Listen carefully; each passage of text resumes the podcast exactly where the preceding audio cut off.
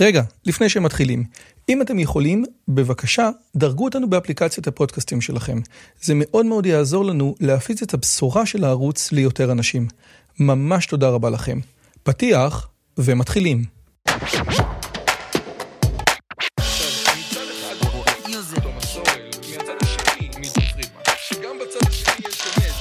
הפודקאסט של דוקטור רועי יוזביץ'.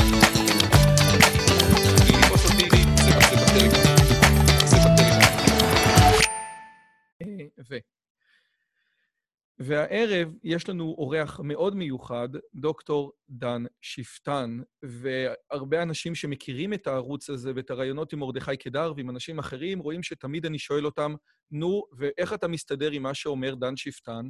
אז במקום לשאול אחרים, הגעתי למצב שאני שואל את דוקטור דן שפטן בעצמו. אז שלום לכולם וברוכים הבאים לערוץ שלי, ערוץ שמדבר על השכלה, אינטליגנציה, וגם איך לגרום לכם להכיר את המזרח התיכון קצת יותר טוב בשיחת הסלון הבאה שלכם. אם עוד לא הצטרפתם, אתם מוזמנים גם ללחוץ על הפעמון וגם להיות בפטריון וכל מיני דברים כאלה. והערב, אורח סופר סופר מיוחד, אני ממש ממש ממש מתרגש, דוקטור דן שפטן. דוקטור דן שפטן הוא מרצה בכיר בבית הספר למדעי המדינה באוניברסיטת חיפה ובמכללה לביטחון לאומי. הוא משהו יותר מעניין עליו, שהוא סיים את הצבא בדרגת רב"ט. מהצד השני הוא מכשיר את אצולת הצבא גם בארץ וגם בגרמניה, במה שנקרא חשיבה אסטרטגית. כתב כמה ספרים, ובין היתר את הספר פלסטינים בישראל, מאבקו של המיעוט הערבי במדינה היהודית, ובימים אלו מסיים ספר חדש על היעדים הלאומיים של מדינת ישראל. עד כאן אמרתי נכון? פחות או יותר, לא ניכנס לפירוט. אבל הדבר היותר מרשים לגבי דן, שהוא אחד מהדינוזאורים היחידים שנשארו. זאת אומרת, אתה שומע את ההרצאות שלו והוא אומר, את זה שמעתי ממשה דיין, את זה התווכחתי עם רבין, זה ואצלב האוול אמר לי. הוא, הוא באמת היה בכל מיני צמתים רציניים מאוד של העשייה הלאומית והביטחונית במדינת ישראל, וזה באמת דבר מרשים. והיום אנחנו רוצים לדבר גם בעקבות תוכנית המאה וגם בעקבות דברים אחרים, על לא מעט דברים. ואני רוצה להתחיל, ברשותך, עם ה-NS, אה, איך אתם קוראים לזה? NSSC, כן? המרכז לחקר הביטחון הלאומי, שאתה מנהל אותו, אוקיי? והשאלה שלי היא... עמדתי, רגע, אה, תיקון, אני עמדתי בראשו עד לפני שנה וחצי, במשך עשר שנים. אה, עכשיו אני ראש התוכנית הבינלאומית לביטחון לאומי באוניברסיטת חיפה. אוקיי, סליחה. אז אני רוצה לדבר גם על התוכנית, אבל גם על המרכז שאתה חלק ממנו עדיין, אוקיי? והשאלה שלי היא כזאת. כבר אפלטון דיבר על הסוגיה הזאת שאין מומחה למדיניות, כן? או לפוליטיקה. או אתם, אפשר לתת ניסוח אחר, שזה חבל שכל מי שיודע הכי טוב איך לנהל את המדינה, עשו כל הזמן בלנהוג במונית. אז השאלה שלי היא כפולה. א', מה המומחיות של המרכז הזה? מה המומחיות שלכם? והשאלה השנייה היא, מה מערכת היחסים ביניכם ובין קובעי המדיניות? כי עושה רושם שהם מקשיבים לכם פחות מלמהנדס בניין, וגם עושה רושם שטוב שמקשיבים לכם פחות מלמהנדס בניין. אני ברשותך אנתק את זה מהמרכז לחקר הביטחון הלאומי, אני כבר לא עומד בראשו. אה, אני אדבר על מערכת היחסים שלי עם, ה... עם קובעי המדיניות וגם על התופעה הכללית של הקשר בין קובעי מדיניות לבין אנשים שמתמחים בביטחון לאומי. ואני אומר שני דברים. קודם כל, לאנשים שנמצאים מחוץ למערכת, יש רק יתרון אחד מאוד גדול. יש להם זמן לעסוק במה שבעיניהם הוא דבר חשוב. אנשים שנמצאים בתפקיד אחראי, עוסקים 90 אחוז מזמנם, 80 אחוז מזמנם, במה שדחוף. כי אם הם לא יעסקו במה שדחוף, לא יהיה שום דבר. הם לא יצליחו למנוע התמוטטות המערכת, ולא יצליחו בכלל לקדם דברים חשובים, משום שכרגע הם לא נתנו מענה לעניינים הדחופים שצריכים לעמוד בפניהם. והיתרון היחיד של אנשים מסוגי, שאין להם אחריות, אני לא עומד בראש איזה מערכת, ממשלה, צבא, ארגון מודיעין, או משהו כזה, ולכן אני יכול להקדיש את כל עיתותיי לדבר שאני חושב, בצדק או שלא בצדק, שאני חושב שהוא הדבר החשוב. ולכן חלק מאיתנו, ואני מדגיש, לא בהכרח כל מי שנמצא מחוץ למערכת יש לו היכולת הזאת, אבל חלק מאיתנו רואים את המכלול גם כאשר אנחנו לא בקיאים בכל הפרטים ברמת היומיום של עיסוק בהם באופן אישי, אנחנו יכולים להסתכל על התופעה ולהגיד, שימו לב, כאן קורה משהו. או, שימו לב, אנחנו נותנים מענה לשאלה שעומדת כרגע על הפרק, אבל המשמעויות של זה מאוד מרחיקות לכת בטווח הבינוני או בטווח הארוך. אני אתן לך דוגמה שאני לעיתים קרובות רב עליה עם אנשים בתוך המערכת. אומרים, אם תהיה מצוקה כלכלית חריפה על סף של אסון הומניטרי ביהודה ושומרון או בעזה, זה יזיק לנו משום שזה דחף לפעולות אה, רדיקליות, למלחמה, לעימותים וכו'. ולכן, בואו נכניס לעבודה בישראל פועלים רבים מיהודה ושומרון או מעזה, או נאפשר עשרות פרצות בגדר הביטחון והם ייכנסו, אנחנו לא ניזום את הכנסתם, אבל בפועל המצב הכלכלי בשטחים האלה יהיה יותר טוב. האם אנחנו מרגיעים במיקרו, בהקשר המיידי, את המצב בשטחים? כן. אבל מהן המשמעויות ארוכות הטווח של התופעה הזאת? האם אנחנו לא יכולים למצוא את עצמנו יום אחד, ולא היינו רחוקים מהנקודה הזאת, שיש תופעה המונית שבאים פועלים מהגדה לישראל, מכירים ערביות בישראל, מתחתנים איתם, מקבלים אזרחות ישראלית, ורק כפסע היה בין מצב שבו אהרן ברק ובית המשפט העליון כפה על ישראל לתת להם אזרחות משום שהם התחתנו עם בנות המקום, מאשר אה, אה, כדי שדבר כזה יקרה. וזה היה מביא לזכות שיבה זוחלת בהיקף עצום. דרך אגב, כבר היום בנגב יש לנו תופעות של אישה שנייה, שלישית, רביעית וחמישית של בדואים בנגב, שבאה מהר חברון או באה מעזה, ויש לך תופעה של משפחות שיש בהן מאה ילדים או יותר, קח לך את זה לכמה דורות עם תופעות מהסוג הזה, ואז אתה שואל את עצמך, רגע, זה מועיל ברגע הזה, אבל זה מזיק ברגע יותר רחוק. משל, למה הדבר דומה? יכול להיות שאתה, אם אתה מדוכא, אתה תיקח מנה של סמים, תרגיש הרבה יותר טוב לשעה-שעתיים, אבל אתה הורס לחלוטין את, ה, את הגוף שלך. אם אתה עושה מהלכים שהם טובים בטווח הקצר וקטסטרופליים בזמן הארוך. קח לך את כל הגישה של אובמה לאיראן, אם לעלות כאן לרמה מעצמתית. אומר אובמה, בעצם יש לי בעיה, איראן מתגרענת, אבל אני לא רוצה לריב איתה ואני לא רוצה עימות, אז אני אגיע איתה להסכם שנותן לאיראנים בעצם את כל מה שהם רוצים, ואני מקבל את זה שבמשך עשר השנים הקרובות לא יהיה לי נשק גרעיני באיראן, ועד אז הפריץ ימות, הכלב ימות, יהיה יותר טוב, המשטר ייפול, יאבדו את החשק לנשק גרעיני. איזושהי אה, טענה שאני לא אומר שלא יכולה לקרות, אבל אתה לא יכול לבנות אסטרטגיה. היכולת של מי שנמצא מבחוץ, בנוסף, לא במקום, מקבל ההחלטות, כי למקבל ההחלטות יש יתרונות רבים מאוד אחרים.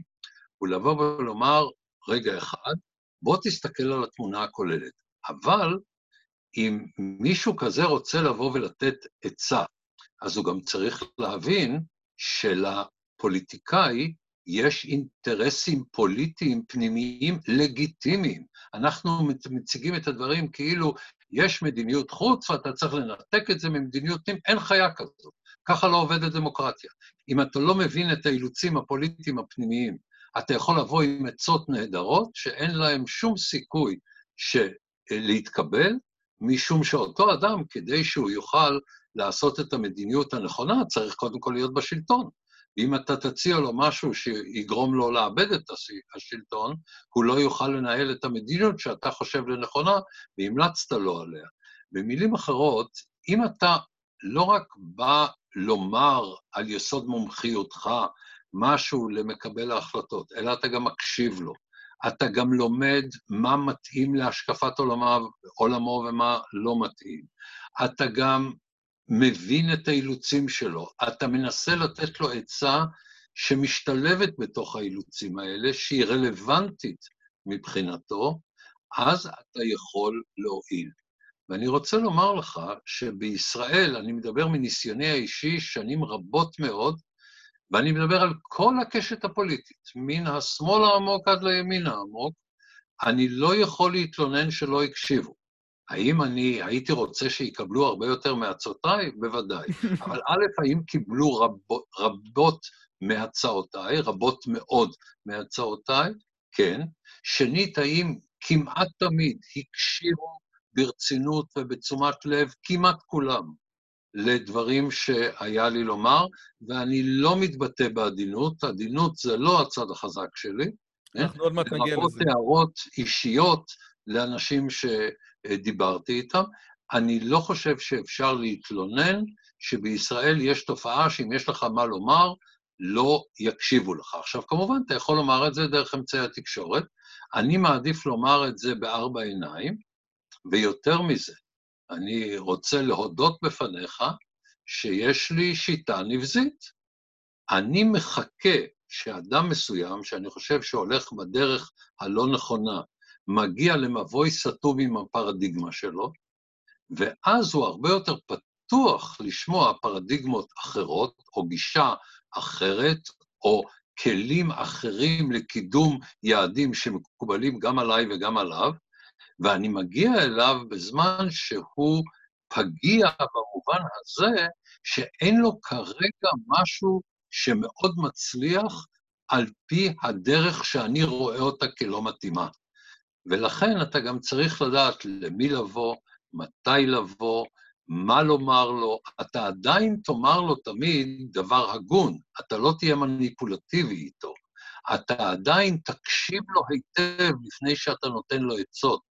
אתה עדיין תכיר אותו היטב כדי לדעת מה מסתדר עם השקפת עולמו, אבל אתה צריך לבוא ולהתאים את העצה לנסיבות הפוליטיות של אותו זמן ולאישיות של האדם שאיתו אתה מדבר.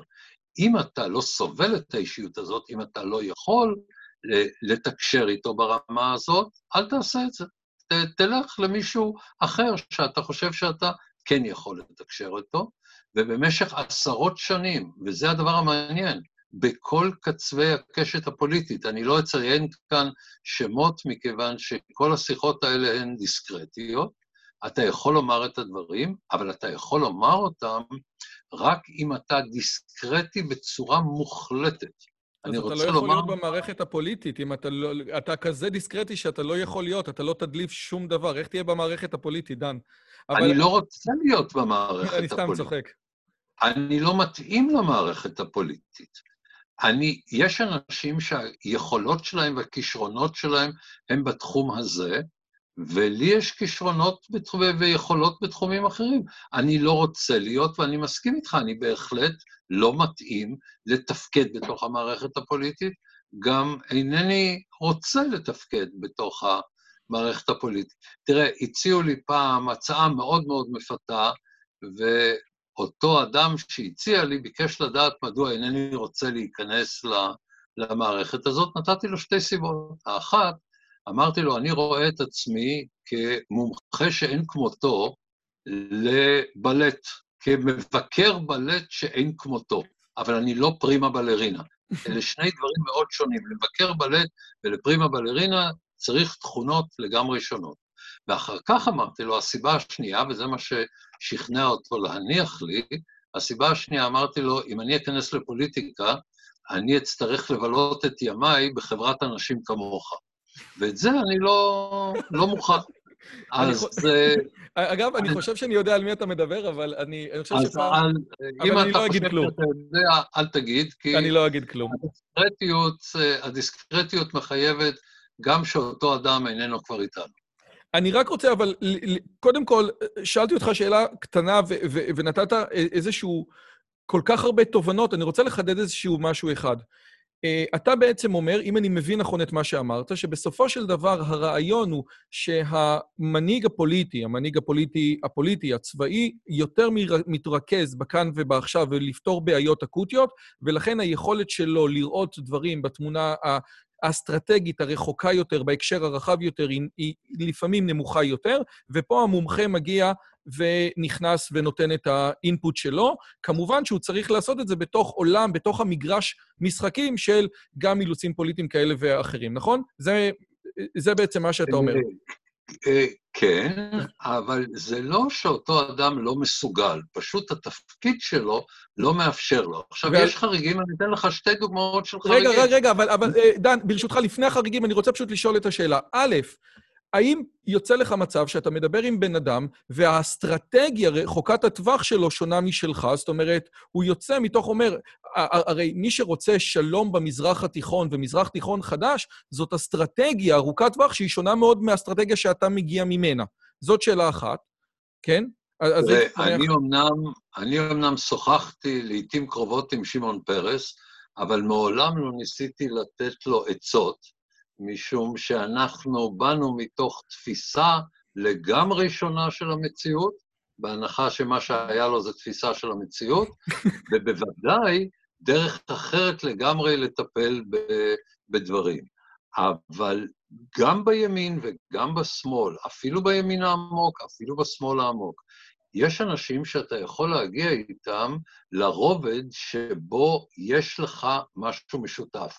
קודם כל אתה צריך ללמוד את האיש, אבל תרשה לי לתת לך את הדוגמאות של החריגים כדי שכל התמונה תהיה יותר מובנת. חריג אחד נפלא זה הנרי קיסינג'ר, כן? אדם שגם ראה את התמונה הגדולה ביותר, גם הצליח לקבל את התמיכה הפוליטית של נשיא אמריקני גדול בתחום מדיניות החוץ, ריצ'רד ניקסון, אני יודע שהוא לא במיוחד חביב, אבל בתחום מדיניות החוץ, לדעתי, הנשיא הטוב ביותר שהיה לארה"ב מאז מלחמת העולם השנייה, בתחום מדיניות החוץ, וגם היה לו היכולת להפעיל את המערכות ולפעול בעצמו ולהשפיע. כלומר, הוא היה השילוב המאוד מרשים בין מדינאי לבין אדם שמסוגל לראות את כלל המערכת ולהינתק ממנה לרגע רק לצורך ההשקפה על המכלול.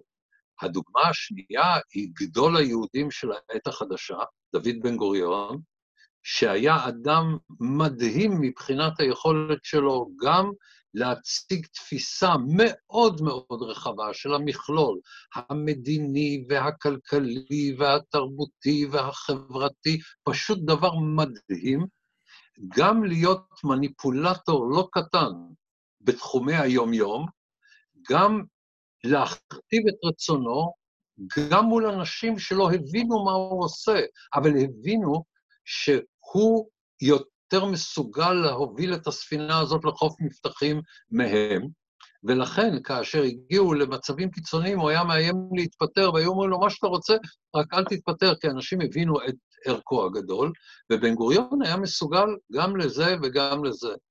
אבל אה, בוא נאמר, לעתים קרובות אנחנו רואים שטובת ציפורנם של ראשונים מקרסם של אחרונים, ואתה מוצא שהיום הרבה יותר קשה להיות מישהו כמו בן גוריון, כמו דה גול, כמו צ'רצ'יל, כמו רוזוולט. אנשים כאלה לא היו נבחרים היום, כי הם לא יודעים להתעסק בתדמיות שהן חלק מכריע מן היכולת להישאר בשלטון. אז הם ידעו לעשות את זה בתנאים של זמנם.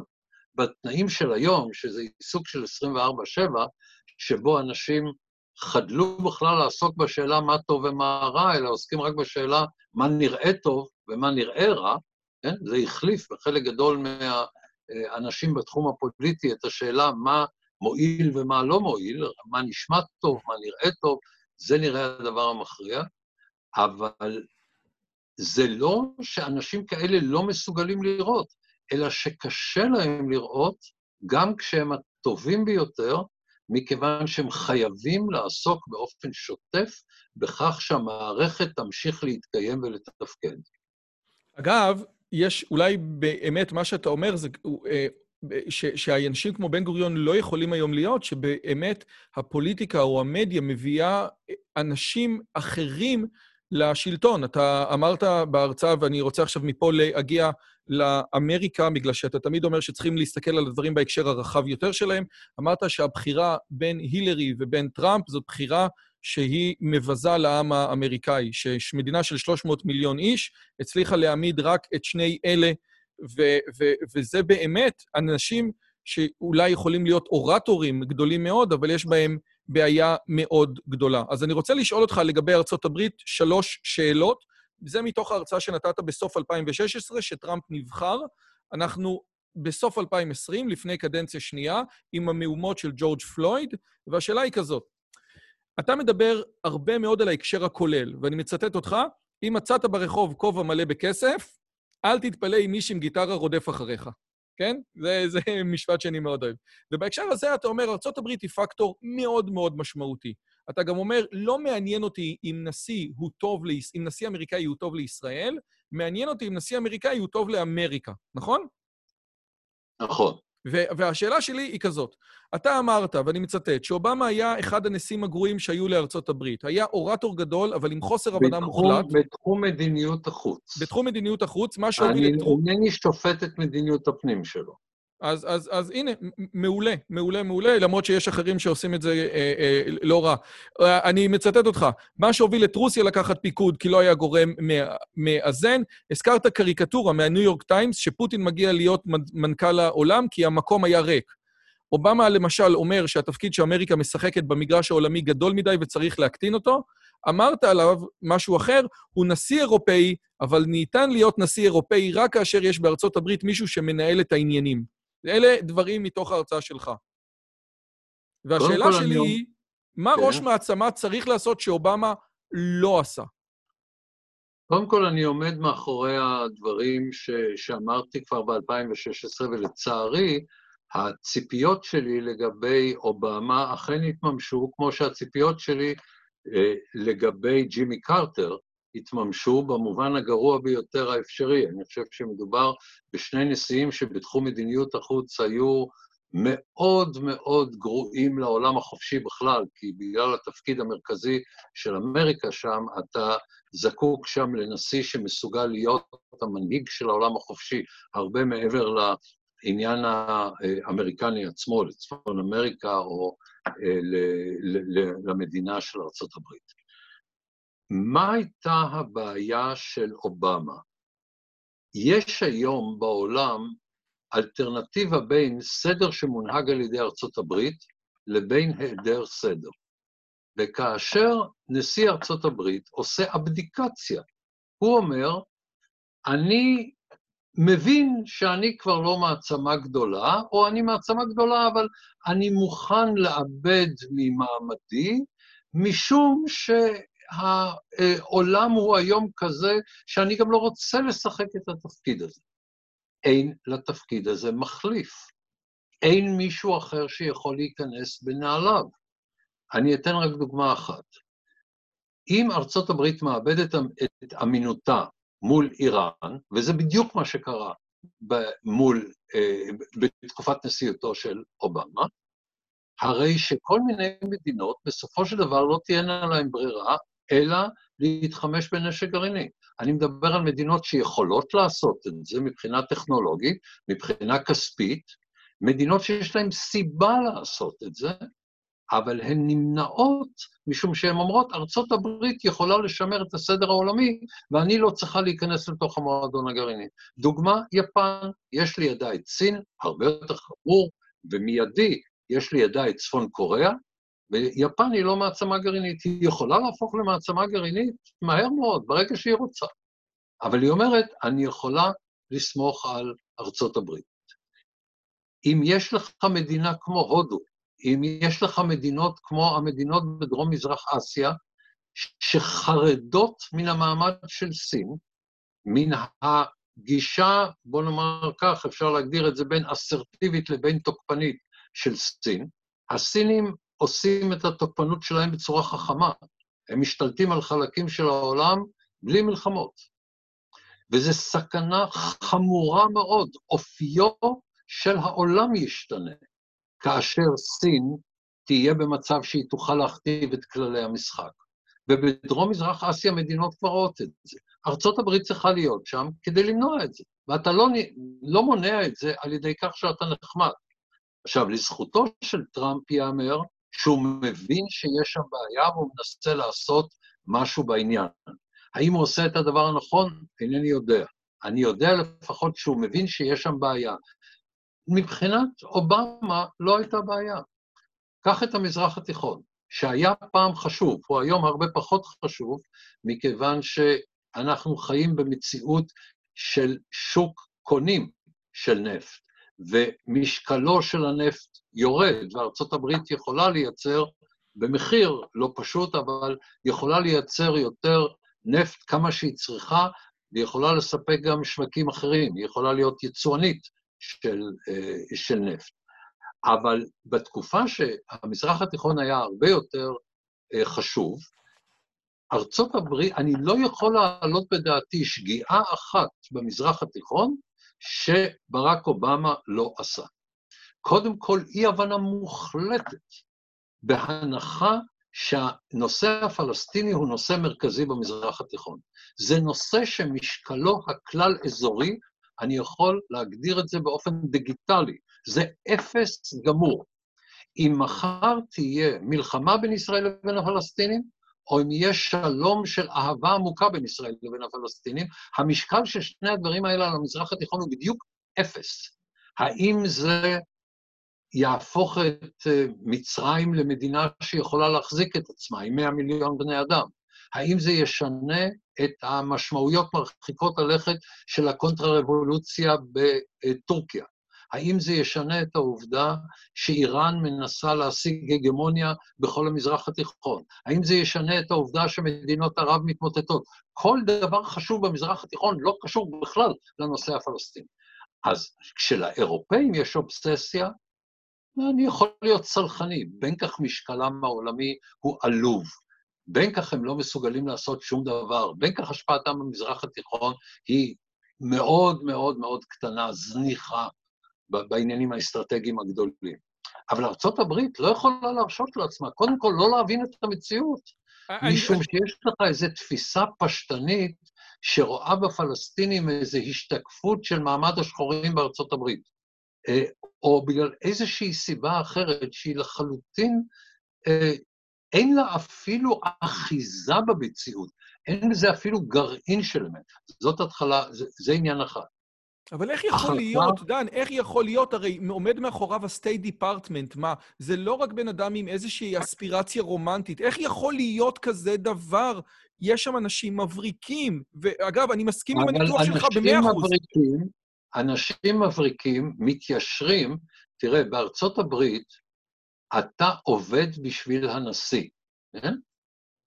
אתה, I serve at the pleasure of the president. זה הביטוי, אתה עובד בשביל הנשיא. עכשיו, כשיש לך שרת חוץ, שאני לא מתלהב מאישיותה, אבל אישה חכמה כמו הילרי קלינטון, ואתה מחליף אותה בג'ון קרי, אני לא יודע איך לומר בנימוס מה אני חושב על היכולות של ג'ון קרי, אבל אינני מכיר הרבה אנשים שפחות מבינים מה קורה סביבם מאשר ג'ון קרי. ואותו אתה מביא ואותו אתה שולח כדי להביא שלום תוך תשעה חודשים בין ישראל לבין הפלסטינים, ובסוף אתה אפילו לא מצליח לקבל תנאים לחידוש המשא ומתן. משום שמדובר בבן אדם שהוא, אני, אני לא בטוח איזה מילה מנומסת אני יכול להשתמש כדי לתאר... אם יש לך לא מנומסת, מה תגיד לי לא מנומסת? ואת, ואת אופיו של ג'ון קרי. אתה שולח בן אדם כמו ג'ון קרי מול הנושאים והנותנים הכי מתוחכמים בעולם, שזה האיראנים, אה? שיכולים להוריד לך את הגרביים בלי להוריד את הנעליים, אתה שולח להם את ג'ון קרי. יותר טוב, אל תשלח אף אחד. יותר טוב תיתן להם להכתיב מה שהם רוצים, משום שהוא לא מבין בכלל במה מדובר. זה מרגע שיש לך נשיא, אגב, זה נכון גם לגבי טראמפ. אגב, זה נכון גם לגבי שגיאה עמוקה מאוד שעשה ג'ורג' בוש, כן? כוונותיו היו טובות, אבל הרעיון הזה, שאתה תבין דמוקרטיה למזרח התיכון. אני ניסיתי לדבר עם אנשים בפנטגון בשנת 2002 בנושא הזה, אמרתי להם, אתם רוצים להביא שלום, אה, ש, אה, אתם רוצים להביא דמוקרטיה למזרח התיכון, תנסו קודם להביא סבלנות לישראל. אם זה ייקלט, אם אתם תהפכו את הישראלים לסובלנ... לסבלנים, אתם תהפכו גם את האמריקאים לדמוקרטיה, את הערבים לדמוקרטיה. אתה חושב שטראמפ רוצה להביא דמוקרטיה למזרח התיכון? בוש? לא, טראמפ, טראמפ. מה? אמרת על טראמפ. לא, מעניין. טר... אה, לא, טראמפ לא מנסה בכלל, בכלל לא, כן? בוש ניסה ברצינות, אובמה ניסה פחות מבוש, אבל לאובמה היה בעיה כאשר סיסי, שהוא דיקטטור צבאי, שלא תהיה אי הבנה, לקח את המושכות במצרים מהאחים המוסלמים. האחים המוסלמים זה קטסטרופה. זה הדבר הכי מסוכן שיש, כי הם יודעים להעמיד פנים כאילו שהם אנשים מן היישוב. אין דבר יותר מסוכן מהאחים המוסלמים. וארצות הברית לא מגינה על מובארק, ארצות הברית לא מנסה בכלל, ואחר כך יש לה בעיות כאשר אה, סיסי תופס את השלטון. אני רוצה לומר לך, לא רק מצבה של ישראל, אלא הסיכוי שבמזרח התיכון תהיה עוד מלחמה, ירד באופן דרמטי כאשר סיסי נעשה נשיא מצרים. אז מה אתה מחכה, לתומאס ג'פרסון שיהיה נשיא מצרים? איפה אתה חי? אתה חי בלה-לה-לנד, ושוב, אני, אפילו ב, כשאני משתדל להיות מנומס, נדמה לי להגיד על נשיא ארצות הברית שהוא אירופאי, זה הדבר הכי חריף שאפשר להעלות על הדעת. אני אחזור על משפט שגם אתה ציטטת, אני רק אביא אותו בצורה שנראית בעיניי יותר מדויקת. אירופה יכולה להרשות לעצמה להיות אירופה, כלומר, לא להיות חסרת משקל, רק כאשר אמריקה היא אמריקה.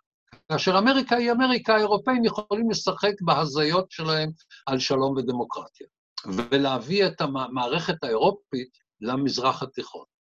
אבל אם בארצות הברית יושב גם כן אירופאי, זאת אומרת, אין מבוגר אחראי, אין עם מי לדבר, אז הפוטינים והארדואנים וה, אה, עושים את מה שהם רוצים. אז מפה אני רוצה להגיע לשאלה שמבחינתי בכל השאלות שהכנתי לך, היא הכי מפחידה אותי כדי אה, בלשמוע מה אתה אומר. באותו ראיון אמרת את הדברים הבאים, שהעם האמריקאי הוא עם, האומה האמריקאית היא אומה בריאה בסופו של דבר, לעומת האומה האירופאית, כן? האומה הזאת היא בריאה, אירופה היא אומה חולה, ואתה מאמין שאירופה, שאמריקה אה, אה, תהיה, תשתחרר ממה שעשה לה אובמה. אבל הוספת את הדברים הבאים, שאמרת שעל המערכת, המערכת האמריקאית לא מתפקדת. סיפרת שהיית שם בארצות הברית ואמרת למומחים שכל החיים שלך חיפשת מערכת פחות מתפקדת מהמערכת הישראלית, ותודה רבה, אמריקה. זה היה בנובמבר 2016. תראה מה קרה מאז, ארבע שנים, עם הפגנות מטורפות, מנסים להפיל את הפסל של ג'פרסון, אני כבר לא יודע מה. מה אתה אומר היום על זה שהמערכת האמריקאית מתפקדת או לא? והאם האומה האמריקאית עדיין, לפי דעתך, היא אומה בריאה עם הקולות הליברליים ההזויים שלה? תראה, אה, אירופה, לצערי, אינני רואה כיצד היא יוצאת מתוך המצוקה, מתוך אובדן האופטימיות העמוק שקיים באירופה, שבין היתר, אגב, מתבטא במספר מאוד נמוך של ילדים. יש באירופה בערך חצי מספר הילדים שיש בישראל למשפחה, ואירופה היא היום מוזיאום. ואני מאוד, כבן התרבות המערבית, זה דבר שמאוד כואב לי. אני עדיין סבור שבארצות הברית יש בסך הכל חברה בריאה, אבל המערכת הפוליטית היא במצב איום ונורא, ולצערי טראמפ תרם לעניין הזה לא מעט בתרומה שלו לפולריזציה של החברה האמריקנית. אבל מה שקרה לפני שנים במפלגה הרפובליקנית, כאשר היא הקצינה ימינה עם מסיבת התה, קורה עכשיו למפלגה הדמוקרטית, והעובדה שבחרו שם את ביידן ולא את סונדרס, זה לא אומר שהכוחות האלה במפלגה הדמוקרטית אינם מאוד מאוד מאוד חזקים. כלומר, אני רואה עכשיו בארצות הברית נזק נורא בפולריזציה הפוליטית, שיש לה גם השלכות חברתיות. ואני רוצה לעשות כאן את ההבחנה בין הברית לבין ישראל. גם בישראל המערכת הפוליטית סובלת מפולריזציה. הרי הבחירות האחרונות היו בין אנשים שאמרו רק ביבי ואנשים שאמרו רק לא ביבי. שום נושא רציני לא נידון במערכת הבחירות. אפילו נושא מאוד רציני כמו מערכת המשפט נידון רק בהקשר של ביבי כן, ביבי לא. ואני מאוד מצר על מה שקורה למערכת הפוליטית הישראלית, אבל אני מאוד אופטימי לגבי החברה הישראלית. אני אינני רואה פולריזציה בחברה הישראלית. מערכת הסולידריות של החברה הישראלית מתפקדת היטב. בשונה מהחברה האמריקאית. הברית, בארצות הברית יש לנו מלחמ, מלחמת אזרחים קרה בין הרפובליקנים לבין הדמוקרטים, שבעצם מייצרת ביניהם דו-שיח של חרשים. הם לא שומעים זה את זה, הם לא מקיימים דיון ברמה עניינית בשום תחום. כל הדיונים שם הם רק איך זה מזיק לצד השני.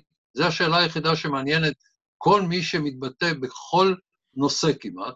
קשה מאוד להשמיע בארצות הברית דעה שתהיה חלק מוויכוח ענייני, היא מיד גולשת אל השאלות האלה, ולכן גם מאבדת מערכה. לא מתקיים דיון ציבורי, ובדמוקרטיה זה דבר מאוד חמור. ואני גם היום אומר, לא רק שהבחירה בין uh, טראמפ להילרי לא משקף uh, הישג גדול של החברה והפוליטיקה האמריקאית, גם הבחירה בין טראמפ לביידן לא משקפת uh, דבר כזה. אומה של 330 מיליון בני אדם יכולה הייתה להביא אנשים יותר מתאימים מאשר שני המועמדים. Uh, אבל כרגע, בארצות הברית, אני מאוד מאוד מאוד חושש מן ההקצנה השמאלית בצד הדמוקרטי, שלצד ההקצנה הימנית בצד הרפובליקני מייצרת פולריזציה, ופולריזציה לא רק פוליטית, אלא גם חברתית. עדיין החברה האמריקנית יש בה חיים, יש בה זאת חברה חפצת חיים. האירופאים נראים לי כמו מישהו שעשו אבדיקציה. והם אומרים, אוקיי, פעם היינו מעצמה, פעם קבענו את גורלו של העולם, פעם הצבנו את הזה, היום אנחנו נציע לכולם את ההצעה המגוחכת לאמץ את השיטה האירופית. עכשיו, כדי שאני לא אובן לא נכון, בעיניי, מה שאירופה עשתה בסוף המאה הקודמת וראשית המאה הנוכחית, זה הישג מרשים של האנושות לדורותיה. הם הפכו, הם הפכו בית מטבחיים ליבשת של שלום. יש לי המון רספקט למה שנעשה באירופה, אבל, אבל, יש להם הזיה. אני לא יודע איך אנשים יודעי קרוא וכתוב יכולים לאמץ הזיה כזאת, שאפשר לקחת את המודל האירופי ולהעתיק אותו למזרח התיכון, או לאפריקה, או אה, אפילו לחלקים של אה, דרום אירופה, אני לא בטוח, כן? בדרום-מזרח אירופה, אפילו שם אני לא בטוח, אבל בוודאי למקומות כאלה. אגב, מי שאצלנו דיבר במונחים האלה זה שמעון פרס, כן? ולכן בעיניי כל תפיסתו, תפיסת המזרח התיכון החדש, הייתה גרעין תפיסתו, אני מבין למה זה עשה אותו פופולרי באירופה, כי הוא אמר משהו שלא שיקף שום דבר במדינת ישראל, מיעוט זניח במדינת ישראל היו לו ההזיות האלה, אבל אירופה כולה חיה בהזיה הזאת, של למה לא תעשו כמותנו. עכשיו שוב, עם כל הרספקט העצום לאירופה בגלל ההישג ביבשת עצמה, וככל שהייתי רוצה שדברים כאלה יורחבו, ובתוך אירופה, לכיוון מזרח אירופה, יש מידה לא קטנה של הצלחה. הצלחה מאוד גדולה בצ'כיה, הצלחה מאוד קטנה בהונגריה, אבל יש לך הצלחה של המודל הזה, ושם לא רק שיש לו סיכוי, הוא הדבר הטוב ביותר. אבל את אותה אה, מידה של הנתקות מהמציאות שיש באירופה, בארצות הברית יש עוד גורמים בריאים. ארצות הברית הוכיחה את עצמה בהיסטוריה הארוכה שלה כחברה שיודעת להמציא את עצמה מחדש מול אתגרים חדשים, ולכן למרות מה שקורה בחודשים האחרונים, בשבועות האחרונים, אני עדיין אופטימי, אני מודה שאני פחות אופטימי. אם תרצה, נדבר מה שקרה בשבועות האחרונים. האמת, אני, אני... אני רוצה להגיע ל, ל, ל, לנושא שהוא יותר מעניין אותי בהקשר הזה. אה, אני רק אגיד לצופים שלי, דאגלס מרי, בספר שלו, המוות המוזר של אירופה, אומר שהדבר הזה מגיע מתוך, שת, מתוך שתי נקודות מרכזיות. הנקודה הפרוגרסיבית אתאיסטית. בסופו של דבר, אירופה אה, חוותה בצורה משמעותית מאוד מה זה אומר שלא כל בני האדם שווים. ולא כל בני אדם שווים, כולם יודעים לאן זה הוביל את אירופה, כן? שיש כאלה ששווים יותר ושווים פחות. ואירופה היום אוחזת באמת בשיניים, לא רק אירופה, גם הליברלים בארצות הברית, בתפיסות פרוגרסיביות ליברליות שבהן כולם שווים. עכשיו, אם כולם שווים ואתה רואה איזושהי disparities, איזשהו חוסר שוויון דה פקטו בין אנשים, אתה חייב להגיד שזה בגלל אפליה, ואז יש לך תנועות כמו Black Lives Matter ומקומות מהסוג הזה.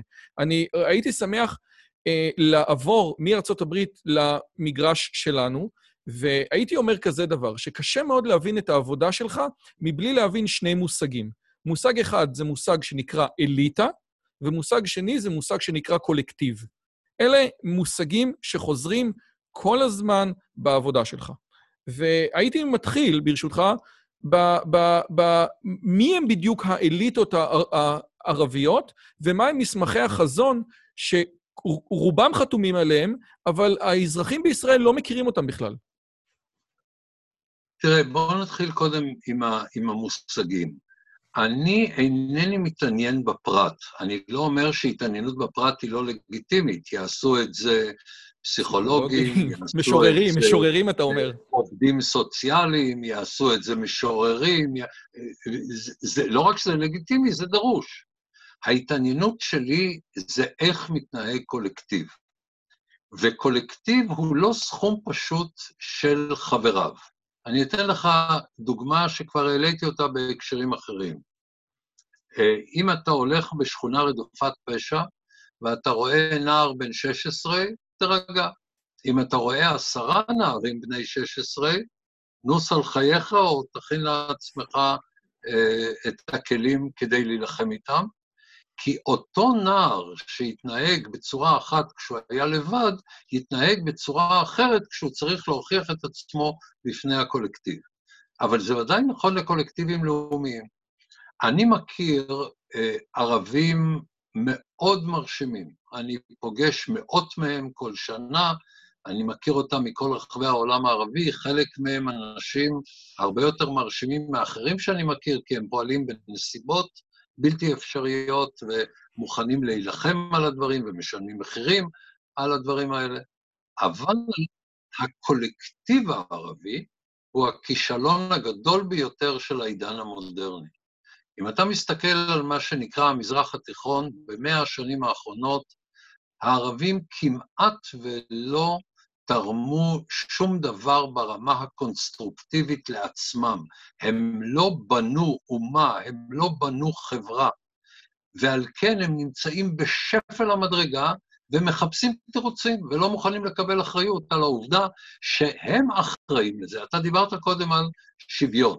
אני מוכן לקבל שבני אדם נולדו שווים, אני מוכן לקבל שצריך להשתדל לתת להם הזדמנויות שוות, או לפחות דומות, אבל בני אדם אינם שווים כיוון שהם התנהגו בדרך אחרת, והתנהגות אחת יוצרת תוצאה אחת, והתנהגות אחרת יוצרת תוצאה אחרת לגמרי.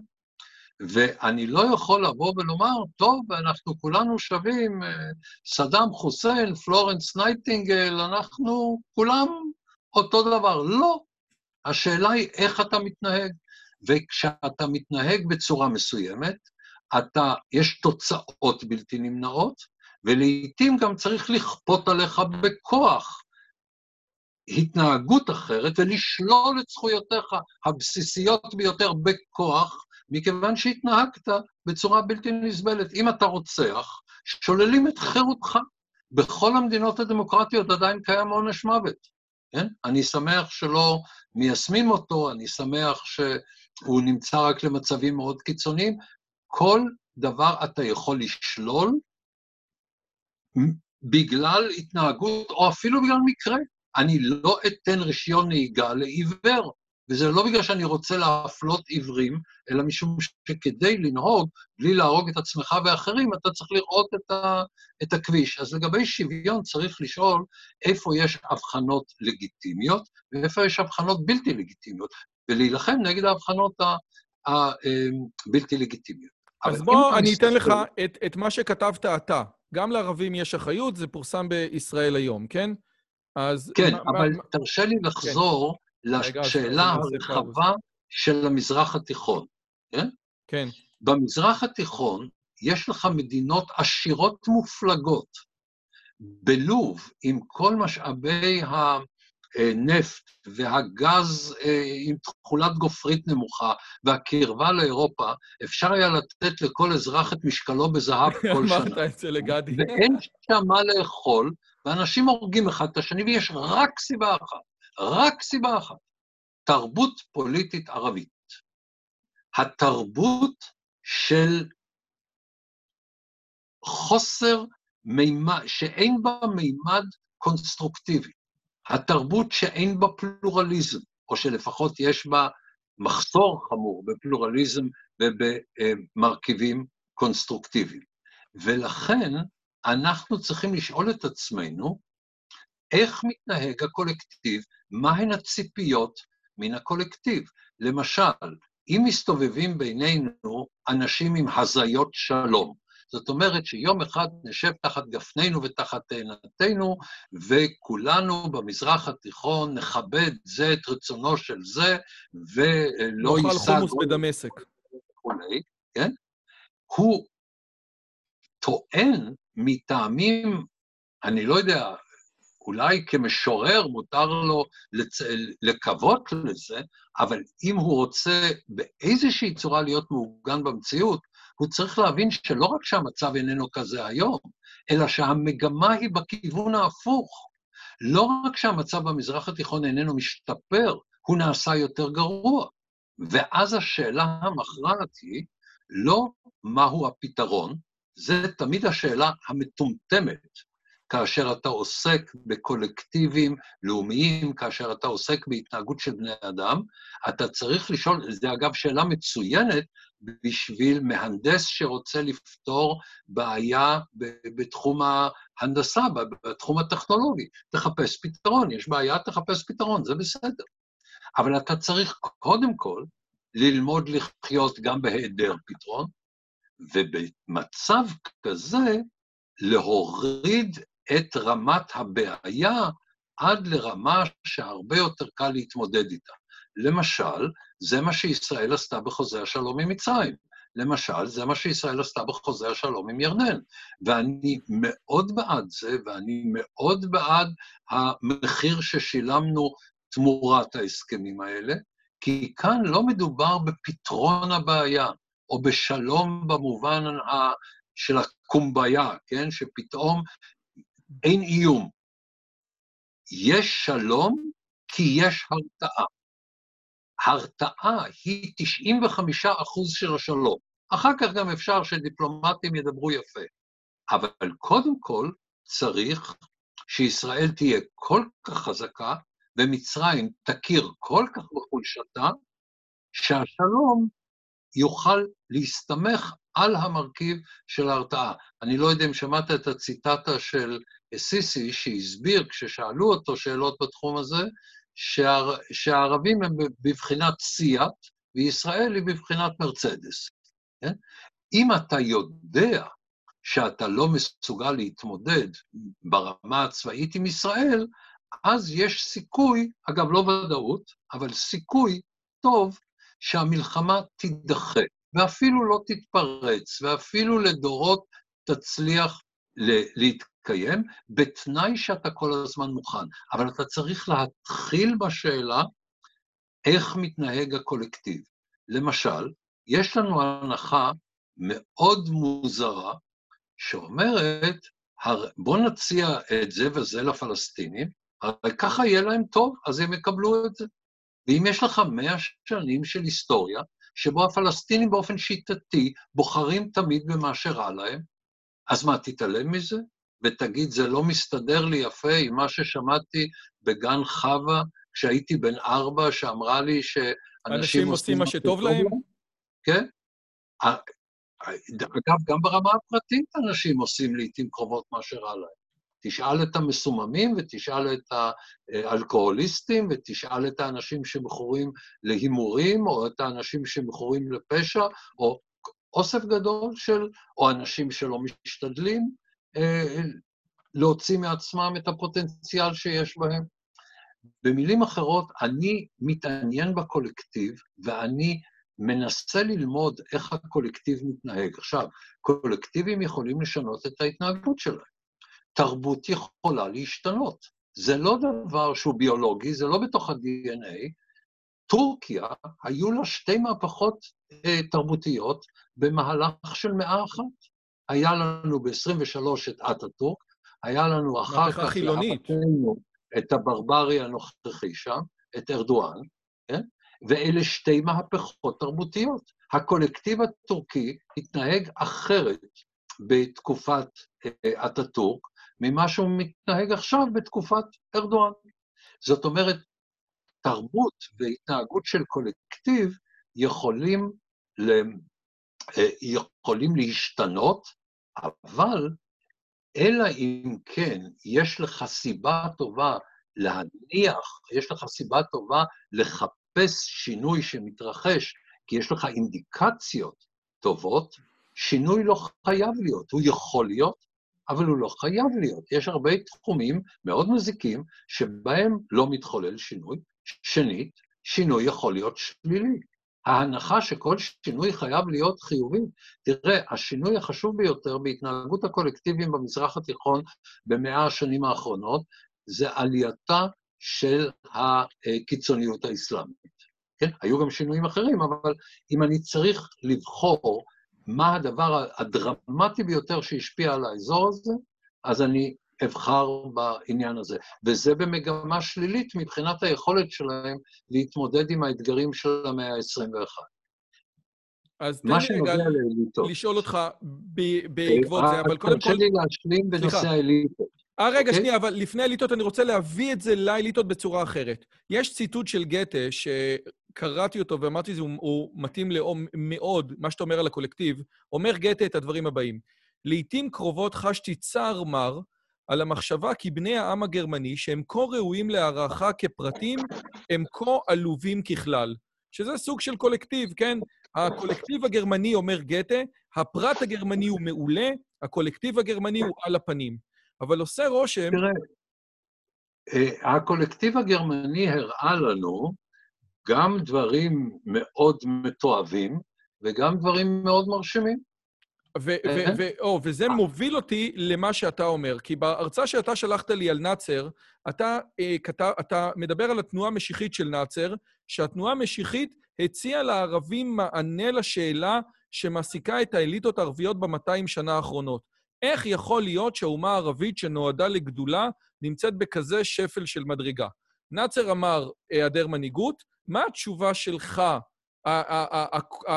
הקולקטיב הבעייתי? זה הבעיה של האומה הערבית שנועדה לגדולות? הקולקטיב הבעייתי, אתה לא יכול לתפוס מקום מוביל בעולם בלי פלורליזם ובלי קונסטרוקטיביות. למשל, תראה, בעולם העתיק, אומות גדולות היו אלה שהיה להם אה, אדמה פוריה מים ומשטר אה, ריכוזי שידע אה, לנצל את הדברים האלה בצורה מסודרת, כן? ולכן לא במקרה הציוויליזציות הראשונות באזור שלנו, החשובות ביותר, היו בעמק הנילוס ובמסופוטמיה, כי שם היה הצירוף הזה. אחר כך היו לנו אה, אומות שהגיעו לגדולה בזכות שילוב של ברזל ופחם וכושר אה, בתחום ההנדסי, בתחום, ה, בתחום היכולות המדעיות, אבל בעיקר אחר כך בתחום הייצור. היום הרוב המכריע של מה שמאפשר לאומה להתמודד עם האתגרים של המאה ה-21, מחייב קודם כל גרעין של פלורליזם. בלי פלורליזם אין מדע, בלי פלורליזם אין יכולת לקיים משטרים דמוקרטיים שאינם חייבים להתבסס על דיכוי ומאפשרים, לה, אה, ומאפשרים לפרט לפעול באווירה של חירות שבה הוא יוצר בשביל עצמו, אבל התוצר, תוצר הלוואי של זה הוא גם אה, אה, לטובת האומה. בלי פלורליזם אתה מאבד 50 אחוז מהפוטנציאל האנושי בגלל היחס לנשים. כך שהמרכיב הזה של פלורליזם וקונסטרוקטיביות, שחסר בקולקטיב הערבי, שאתה מוצא כל כך מעט ממנו, שלמדו אה, להעמיד פנים כאילו שזה משתנה, אבל הוא משתנה לאט מאוד, ואם אני מסתכל על האזור כולו, אני לא אומר שאין פה ושם נקודות אור קטנות מאוד, אבל האזור כולו שרוי בעלטה בתחומים האלה. כן? כמה מדע יצירתי וחדשני יש לך בכל האזור שמהאוקיינוס האטלנטי עד למפרץ הפרסי. תשווה את כל האזור הזה למדינה קטנה מאוד כמו ישראל, ותראה את ההבדל העצום שנובע כולו מהתחום התרבותי. ושוב, אתה פוגש, אני פוגש, מאות ערבים מאוד מאוד מרשימים, שמבינים את הקושי הזה, אבל אומרים לי, באחד המקרים, זה דבר ש... ציטוט שרודף אותי, אני פעם אמרתי לאחד האנשים האלה, שאני מאוד מעריך אותם, כל פעם שאני רואה אותך זה מחמם את ליבי, ותשובתו הייתה, אל תטעה, אנשים כמוני אינם שוליים בעולם הערבי, אנחנו זניחים. אה? וזה דבר מדכא, כי לא מדובר, קח ערבי, תוציא אותו מהחברה הערבית, תביא אותו לארה"ב, לישראל, לאירופה, הוא יצטיין כמו כל אחד אחר, או ייכשל כמו כל אחד אחר. כן? אין איזה דבר ערבי שעושה אותך ככה או ככה, אבל הקולקטיב והאליטות והשאלה מיהו, מיהי דמות המופת של כל חברה. קח לך את החברה הפלסטינית, מי דמות המופת שלה? מספר אחד, דלאל מרבי, כי היא הרגה הכי הרבה יהודים בפעולת טרור אחד. כן? אז לכן על שמה קרויים בתי ספר. ועל שמה קרויים גנים ציבוריים, ועל שמה עושים אנדרטאות, והיא הגיבורה. איפה גיבורי תרבות אחרים? אין כמעט. הרוב הגדול זה אנשים אלימים, כן? אם אתה לוקח אישה שהרגה 39 יהודים, 12 מהם ילדים, והיא הד... דמות המפתח, אגב, בחברה הערבית בישראל אתה רואה את זה גם כן. התופעה היא פחות רחבה, פחות עמוקה, אבל היא נמצאת גם פה, הדמות של השהיד, שאי אפשר... עכשיו, מילא אם היו אומרים, מי שנלחם בחייל ישראלי בשכם הוא גיבור האומה הפלסטינית. אוקיי, אבל כל מי שהורג יהודי הוא באופן אוטומטי גיבור של החברה הערבית, ועל ברכי הגיבורים האלה מחנכים את, ה... מחנכים את הנוער. בכל רחבי העולם הערבי יש לך אנשים מאוד מוכשרים שלא יכולים לתת ביטוי ליכולות שלהם, כי החברה מדכאת אותם. עכשיו, שוב, אתה יכול להצביע על הישגים במדינות המפרץ ובטוניסיה, פה ושם, אבל מה שקרה בסוריה הוא לא מקרה. ואני מביא דווקא את המקרה של סוריה, כי בניגוד לעיראק, בעיראק, ברגע שאתה אומר, תראו מה קרה בעיראק, אומר, האמריקאים. אוקיי. מה קרה בסוריה? מה, למה מדינות ערב הן מדינות שלא מסוגלות להתמודד עם המאה ה-21? עכשיו, בניגוד לחברה מערבית, שבה ככל שאתה יותר משכיל, יותר דובר שפות, יותר מכיר את העולם, ככה אתה יותר מתון. בעולם הערבי, ההפך הוא הנכון. אגב, הם יודעים... פה מגיעים לאליטות, נכון? פה כן, אנחנו מגיעים כן, לזה. כן, אבל כן. לפני שאתה מגיע, אמרת שאנחנו, אה, שאנחנו לא פלורליסטים ולא קונסטרוקטיביים. אתה יכול להסביר מה זה קונסטרוקטיבי בהקשרים שלך? אנשים שלא עושים דברים, או למה האסלאם לא, או התרבות לא, הערבית לא, לא. לא מאפשר להם? למה אתה מתכוון שאתה אומר קונסטרוקטיבי? מה אתה עושה?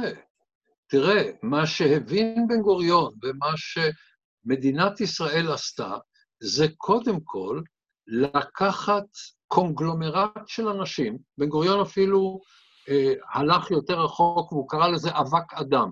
זה אולי הגזמה, אבל קונגלומרט, משהו, אנשים שכמעט לא היה להם שום דבר במשותף. ויצר, אנחנו יצרנו פה עם מתפקד. עם שהיה לו אידיאולוגיה של יהודים, כולנו יהודים וכולי, אבל הוא לא היה עם מתפקד במשך אלפי שנים.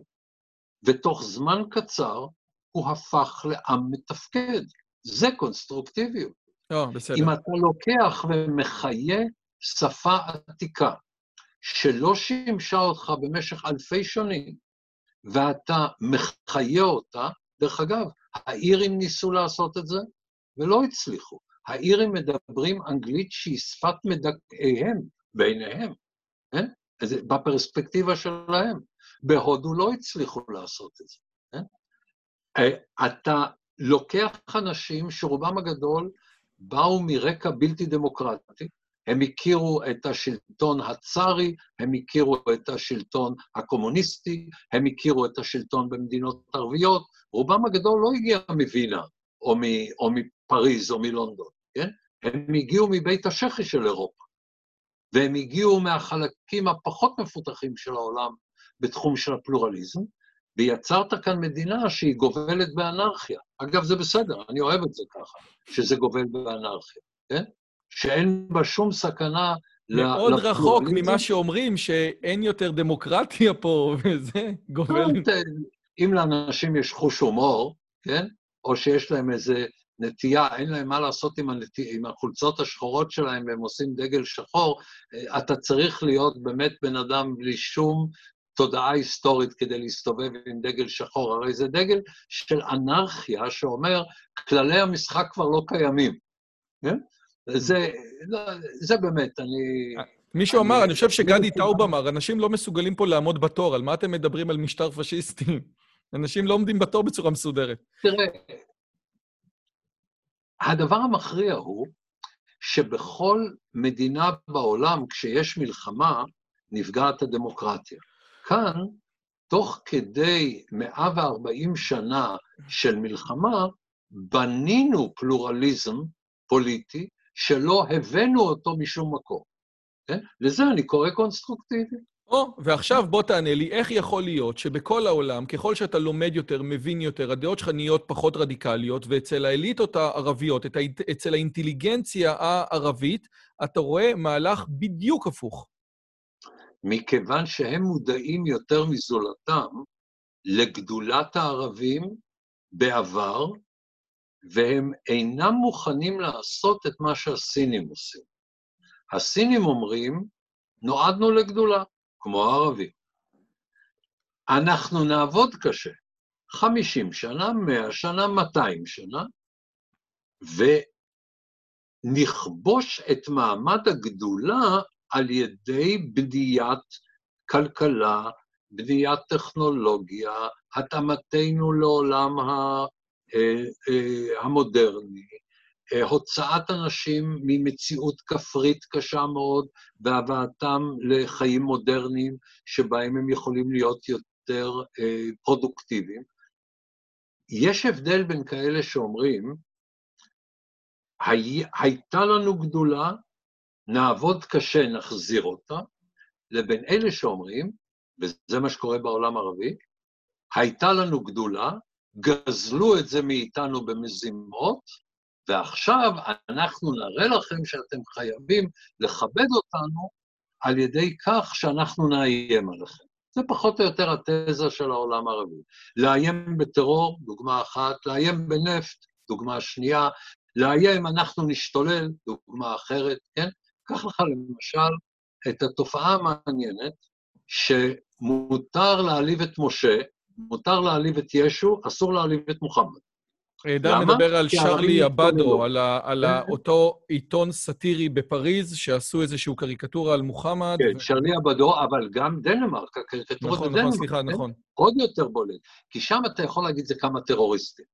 אבל כאן היו הפגנות בכל רחבי אירופה, ואגב, אני ראיתי את השלטים בהפגנות האלה.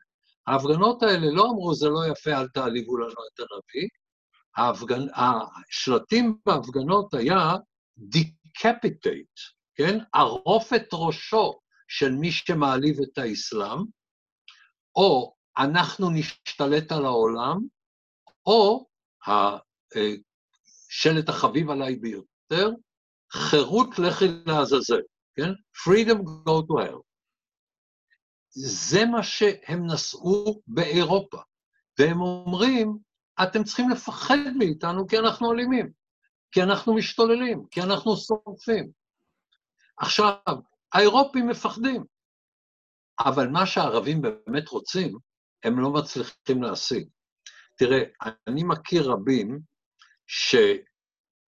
שאוהבים ערבים, שמרחמים על ערבים, שמוכנים. להתפשר ו- ו- ולתת לערבים. אני מכיר מעט מאוד בעולם מי שמכבד אותם, שנותן להם רספקט, וזה מה שהם רוצים. הם רוצים רספקט, אבל רספקט בא ממה שאתה עושה. לא מזה שיש לך הרבה פיגמנטים, לא מזה שאתה יודע להשתולל יותר טוב מאחרים, רספקט בא ממה שאתה עושה. וכשאתה מסתכל על מה שהערבים עושים זה לזה, עזוב את האמריקאים, עזוב את היהודים, אל תלך לחפש תירוצים מחוץ לאזור, תראה רק מה ערבים עושים זה לזה. ואז תשאל את עצמך כמה אפשר לכבד את זה. האליטות בעולם הערבי רוצים כבוד שלא מגיע להם. כי מגיע לך אם אתה עובד קשה. יש תופעה שקיימת בכל רחבי העולם הערבי, ובישראל באחת הצורות הבולטות ביותר, והתופעה הזאת היא חוסר נכונות לקבל אחריות למעשיך. והדבר המעניין הוא שאלה בעולם המערבי שלא דורשים מהערבים לקבל אחריות למעשיהם, הם בעצם מאמצים גישה גזענית. הם אומרים, מכל בן אדם אני דורש להיות אחראי למעשיו. ערבים לא. צריך להבין, הם משתוללים. כן? ובמקום להבין שזה מוקד המצוקה שלהם, הם מתמכרים לזה יותר ויותר. אתה, יש לך תופעה בחברה הערבית בישראל של פשע במימדים עצומים, שהוא ברובו המכריע עניין של אה, תרבות ערבית. היחס לאישה, השימוש באלימות, תופעה חד משמעית שמקורותיה תרבותיים. האם המשטרה יעילה במגזר הערבי? לא. דרך אגב, היא גם מאוד מאוד מאוד מאוד לא יעילה במגזר היהודי. אבל שם גם לא משתפים איתה פעולה.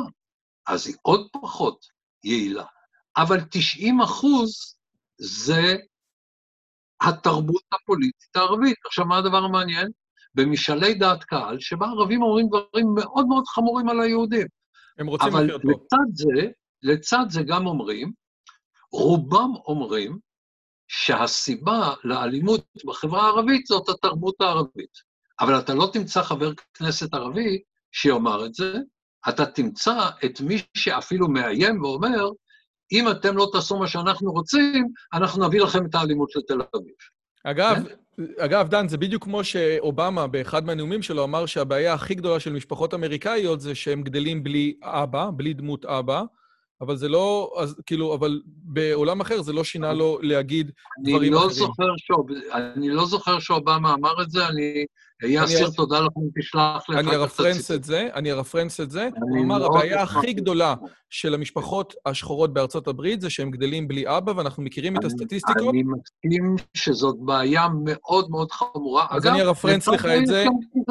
רגע, אז שלא תהיה הבנה. הנה, אבל לא בדיוק אני רוצה. להגיע לזה. כי, אתה אומר, אה, אה, אול- אולי אני אתחיל דווקא מתמי הרמן, כן? פרופסור תמר הרמן, שנתנה ביקורת על הספר שלך, פלסטינים בישראל, אפשר, היא נתנה ביקורת ארוכה, אני אסכם אותה במשפט אחד. צריך שניים לטנגו. היא אומרת, יש בעיה עם הערבים בישראל, אבל גם היהודים לוקחים חלק בתוך הבעיה הזאת בקיפוח.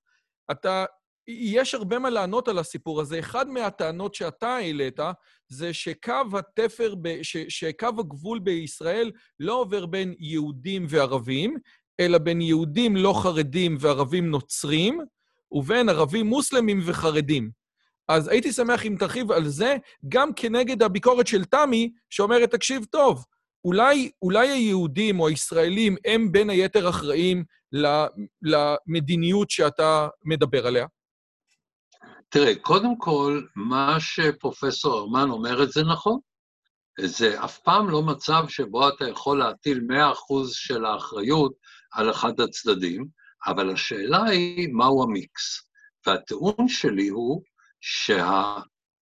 שהנקודת המוצא של הערבים אכן הייתה אה, נמוכה, אבל נקודת המוצא שלהם הייתה גם נמוכה אובייקטיבית. מדובר באנאלפביתיות, שוב, של המוסלמים, לא של הנוצרים. הרבה מאוד ילדים בתוך משפחה, שאתה מדבר על זה. הרבה מאוד ילדים בתוך משפחה, דבר שהשתנה בזמן האחרון, כן? היום ליהודים ולערבים, אם אתה מוציא את הבדואים, יש מספר מאוד דומה של אה, ילדים. השאלה הכלכלית, יש כאן שני דברים שונים. אם אתה מדבר על השאלה הכלכלית, כאן אני אחזור לאותו ציטוט שאכן אני משמיע אותו, שבו מצבם של הקבוצות השונות בישראל מבחינה כלכלית-חברתית היא כזאת שהגורם המצליח ביותר זה יהודים לא חרדים וערבים נוצרים, בגלל שהם מתנהגים באופן שמאפשר הצלחה כלכלית. השכלה, אמ, אפילו היגיינה, יש אלמנט כזה. נשים אה, עובדות. אבל, מה, אבל בעיקר השכלה, מספר ילדים, והכי חשוב, שני בני המשפחה עובדים. זאת אומרת, גם האישה עובדת. עכשיו, כשאתה יורד מתחת לזה, יש לך מוסלמים, והכי נמוך, יש לך את הגרעין הקשה של החרדים. עכשיו, למה החרדים והערבים המוסלמים נמצאים במצב הכלכלי הגרוע? מתוך מכיוון, החלטות תרבותיות. כן, מכיוון שבקרב היהודים החרדים, בגרעין הקשה בוודאי, רק חלק קטן מהגברים הולכים לעבודה. אם אתה לוקח את כל החרדים, מדובר ב-50 אחוז, אבל שוב, זה עשרות אחוזים פחות מאשר הגברים הלא חרדים.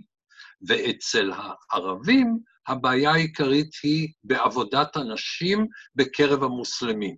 שיש לך הרבה ילדים ורק מפרנס אחד, ברור שמצבך הכלכלי יהיה הרבה פחות טוב מאשר אם יש לך מעט ילדים ושני מפרנסים, כשאתה מסתכל על, ה, כשאתה מסתכל על המשפחה. אבל יש בעיה יותר עמוקה. יש בעיה אידיאולוגית שבה הנתונים שאנחנו רואים מסולפים ביודעין מסיבות פוליטיות. על ידי ביטוח לאומי. כן, וזה ביטוח לאומי. כי הם מספרים את השקר של מדד העוני, שהוא ממש שקר, משום שהם רוצים לגייס אותנו לצורך פחות אה, פער בהכנסות, שזה אני לא רוצה, אני רוצה פער בהכנסות, אני רוצה שיהיה פער גדול בהכנסות, אין לי, אין לי בעיה עם זה, אבל אני רוצה שההכנסה הנמוכה תספיק לקיום בכבוד. ויש כאן הבדל, יש כאן הבדל בין שני דברים. האם אתה מתמקד בפערי ההכנסות, או שאתה מדבר על עוני. אם אתה קורא עוני למשהו שהוא מבחינה סטטיסטית הוא פערי הכנסות, ויוצא שהעוני עולה אפילו כאשר העשירונים התחתונים מרוויחים יותר במונחי כוח קנייה ריאלי. כלומר, מצבם הכלכלי משתפר, ופתאום הם נכנסים לסטטיסטיקה של עוני, כי מצבם הכלכלי של מישהו אחר השתפר יותר. עכשיו, מכיוון שהם יודעים שהציבור הישראלי לא יתרגש מזה שיגידו לו פערי הכנסות, אז הם משקרים ומדברים על עוני. עכשיו, המנכ"לית לשעבר של הביטוח הלאומי העריכה שמדובר בפער של 40 אחוז בין המציאות לבין המספרים של הביטוח הלאומי. אגב, אני רק רוצה... אמרה, אני רק רוצה להזכיר בשביל המאזינים שלנו שני דברים. א', יש מאמר בשילוח שמדבר על דוח העוני, ואני רוצה רק לחדד את מה שדן אומר.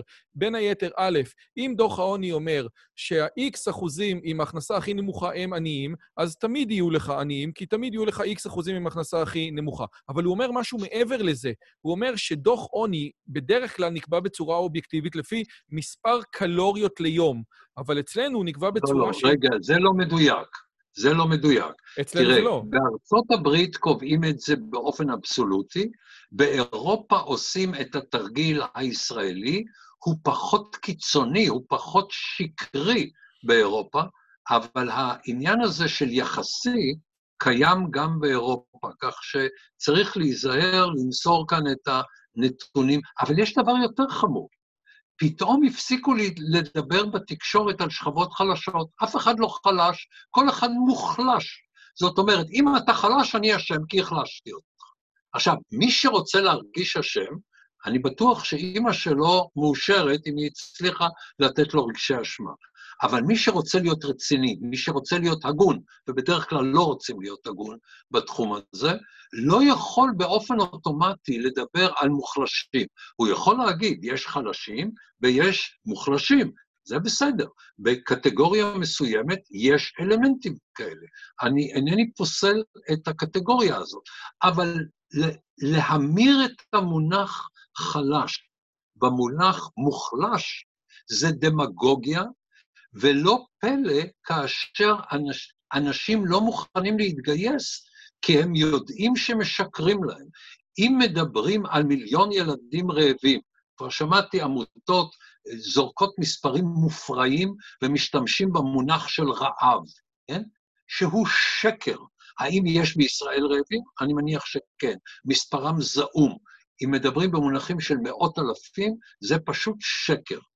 אז צריך מצד אחד, לנסות ולייצר מציאות שבה לאנשים תהיה אפשרות, אם הם עובדים, להתקיים בכבוד, אם הם לא יכולים לעבוד, לקבל סיוע ולהתקיים בכבוד. עם זה אין לי שום בעיה. אני תומך עקרוני של מדינת הרווחה, אני ברצון משלם מיסים כדי שהדבר הזה יקרה. אבל אם רוצים להגיד לי שאני תמיד אשם, כי אני צריך לתת גם למי שלא משתדל, גם למי שמתנהג בצורה חסרת אחריות, אני לא מוכן. ואם אומרים לי, זה התרבות שלו, אז שיסבול. כן? זאת אומרת, את, את, התרבות שלך לא יכולה להביא אותך למצבים שבהם אתה שם את עצמך לנטל על החברה בצורה בלתי נסבלת. יש, אפילו היו מקרים, היום הם פחותים, באירופה, שבהם הסבירו שבתרבות הערבית זה מקובל שבעל מכה את אשתו, ולכן בית משפט בגרמניה לא יכול לשפוט אה, דברים כאלה. היום זה קיים פחות, זה גם, זה אף פעם לא הייתה תופעה רחבה וכוללת באירופה, אבל היו חריגים כאלה מאוד מעניינים. השאלה של מה אומרת התרבות שלך לא מעניינת אותי. יש תרבות שבה אתה עושה אה, אה, מה שנקרא ברית מילה לנשים, העניין הברברי הזה, שבה מנסים למנוע מנשים שיהיה להם סיפוק מיני, זה מנהג ברברי, וחברה שמרשה לעשות את זה בגלל שזה חלק מהתרבות, היא חברה ברברית בשל, בשל עצמה. ולא מעניין אותי מה התרבות של אנשים שעושים דבר כזה לבנות שלהם, זה דבר שלא צריך לעשות אותו. ולכן צריך, חשוב לדון בתרבות, חשוב שיתקיים דיון ציבורי בנושא הזה, אבל את הדיון הזה צריך לעשות לא מתוך חשש שמא ייפלט לך משהו שהוא פוליטיקלי אינקורקט, כן? כי תקינות פוליטית זה האויב מספר אחד של חירות האדם בחברות החופשיות במערב. ולכן צריך בעניין הזה מאוד להיזהר, ולנסות ולקיים דיון הוגן גם כאשר יש מחלוקת. אז וואו, זה, זה א', מדויק לגמרי. אני, אני כבר, יואו, היה לי כל כך הרבה דברים להגיד על זה, שבסופו של דבר... רגע, שנייה, זה, זה וואו. אה, אז קודם כל, אני מסכים איתך מאוד. כל הנושא הזה של תקינות פוליטית, הרעיון הזה של יש דברים שהם נכונים שאני לא אומר אותם, בסופו של דבר אני לא יכול להגיע לחקר האמת. ו- ואני חושב שזה בעצם, לפי דעתי, הפריים של הדיון. ברשותך, מכיוון שהיום הראשון ליולי, והיום ביבי אמר שזה, הוא עושה את התוכנית האמריקאית, הייתי רוצה לשאול אותך שתי, שתי שאלות. שאלה ראשונה, אה, אחד הסרטונים שהכי רצו לנו פה בערוץ זה הסרטון של אה, מוטי קדר, שמדבר על תוכנית האמירויות. בקצרה, תוכנית האמירויות אומרת כזה דבר: האליטה הפלסטינית לא הצליחה לייצר תחושת עם, והראייה שהפלסטינים לא מתחתנים בין השבטים. הרשות הפלסטינית היא לא שייכת, היא משמונה, היא, לא ש... היא משמינה, היא לא שייכת למקום עצמו, ולכן הפלסטינים לא מקבלים אותה. צריך לסלק את הרשות, לתת לאמירויות או לחמולות של שכם, של חברון, של רמאללה, שליטה ואוטונומיה, ומולם להתנהל. זו תוכנית שהוא מנסה לקדם בהרבה מאוד אה, מובנים. מה אתה אומר, אני בטוח ששמעת עליה, כן? מה אתה אומר עליה? האם יש לה קיימות? האם, האם, האם, האם היא נכונה במובן הזה שבאמת לפלסטינים אין אספירציות לאומיות? שהם, לפלסטינים שהם לא האליטה. לא, אני אה, גם לא מקבל אותה וגם לא מקבל את נקודת המוצא. אמ, תראה, אני באופן עקרוני נגד הנדסה חברתית. השאלה מה האינטרס הישראלי. האינטרס שלי זה להיפטר מהשליטה בהם, משום שהשליטה בפלסטינים מזיקה למפעל הציוני. אני רוצה להינתק מהם. אני רוצה להינתק מהם באופן מוחלט ככל שהדבר רק אפשרי, בלי שזה יסכן את הביטחון שלי. ברגע שאני אייצר אמירויות, ברגע שאני אפצל את השטח באופן אה, אה, שלא ניתן לקיים בו משהו רציף ומתמשך, אני אגיע למצב שבו האחריות לחייהם תוטל עליי. אני רוצה להינתק באופן שביני לבינם יהיו אפס קשרים, ואני רוצה לייצר אזור גדול, רציף, שבהם הם יכולים לעשות כל מה שהם רוצים, ואנחנו מונעים מהם בכוח לעשות את מה שמזיק לנו. ולכן אני חושב שישראל צריכה להכיל את הריבונות שלה על בקעת הירדן, שמנתקת את הפלסטינים ביהודה ושומרון מן הרוב הגדול של העולם הערבי, מה, מהאיראנים, מכל גורם רדיקלי שיכול לבוא. במילים אחרות, אני מניח שהם ירצו להזיק לי. הם יותר רוצים להזיק לי מאשר להועיל לעצמם, בשביל זה הם קמים בבוקר. קח לך את הדוגמה של חצי העם שיושב בעזה, נכנסים לשם מיליארדי דולרים, הם חיים בג'ורה, והם לא מעוניינים בכלל לשפר את חייהם. אמרת פעם משפט, כל... מעולם לא היה רגע. עם שעשה פחות עם יותר כסף שהוא קיבל בחינם. בסדר, אבל אני כרגע לא מנסה להגיד משהו יפה או מכוער עליהם, אני מנסה ללמוד את הלקח של מאה שנים של לאומיות פלסטינית. ויש עם פלסטיני ולאומיות פלסטינית, היא לא מוצאת חן בעיניי, כן? היא תמכה ב, בכל הדברים הפסולים שאני יכול להעלות על הדעת, כולל בהיטלר, כן? אבל זה עם, זה עם שמאוד לא מוצא חן בעיניי, אבל זה עם. ועם העם הזה אני רוצה אפס מגע, אני לא רוצה שום קשר איתו. שום קשר. מה לגבי יהודה ושומרון? רגע, רגע. אני רוצה, על ידי כך שאני מנתק אותם מכל הגורמים הרדיקליים, שאותם הם יביאו הנה כדי להילחם בי, כי זה מה שהם עושים. במאה השנים האחרונות זה מה שהם עושים. אם יום אחד הם יהפכו לנורבגים, אני אלמד שוודית. אני פשוט מציע להסתכל על המציאות ולא על הזיה שאין לה שום אחיזה במציאות, שעל יסודה נבנתה תפיסת אוסלו. אני רוצה את הניתוק הזה להשיג באופן שיאפשר לי לעשות צעד חד-צדדי. אין שום סיכוי, לא פסיק של סיכוי, שיהיה הסכם בינינו לבינם. המכשיר היחידי שהם רוצים להשתמש בו זה מכשיר הסירוב. הם קיבלו מאולמרט ב-2008 יותר ממה שסביר לתת להם, אבל לא הרבה יותר, משהו שאני הייתי מוכן לחיות איתו. הם דחו את זה כמו כל דבר אחר, הם ידחו את זה כמו כל דבר אחר, הם דורשים לקבל תשלום בשביל הוויתורים שאנחנו נותנים להם. לא היה עם מי לדבר, אין עם מי לדבר, לא יהיה עם מי לדבר, בעתיד הנראה לעין. ולכן צריך למנוע מהם על ידי נוכחות פיזית, לנצל לרעה את השטח שאנחנו נפנה. ואז להכתיב את הגבול, לצאת מהרוב המכריע של יהודה ושומרון, אני גם הייתי משנה את הקווים המוניציפליים של ירושלים, צריך להכליל שם את מעלה אדומים, צריך להוציא משם את שרפאת, את בית חנינא, את ג'בל מוכבר, כל מיני אה, מקומות שאין לנו שום סיבה להיות שם. אריאל נשארת? בבקשה? אריאל נשארת? תראה, הייתי שמח אם אריאל הייתה מוקמת במקום אחר, בנסיבות הנוכחיות אריאל נשארת, והגושים נשארים. אבל הגושים זה שישה אחוז, כן? את הרוב הגדול של הגדה המערבית אני יכול לפנות. ואני יכול לפנות את זה באופן חד-צדדי, ואני לא מנסה אפילו להגיע איתם למשא ומתן, כי אין עם מי לדבר, לא היה ולא יהיה בעתיד הנראה לעין. אלא אם כן יתחולל שם שינוי של... ש, שאני לא מעלה אותו על הדעת.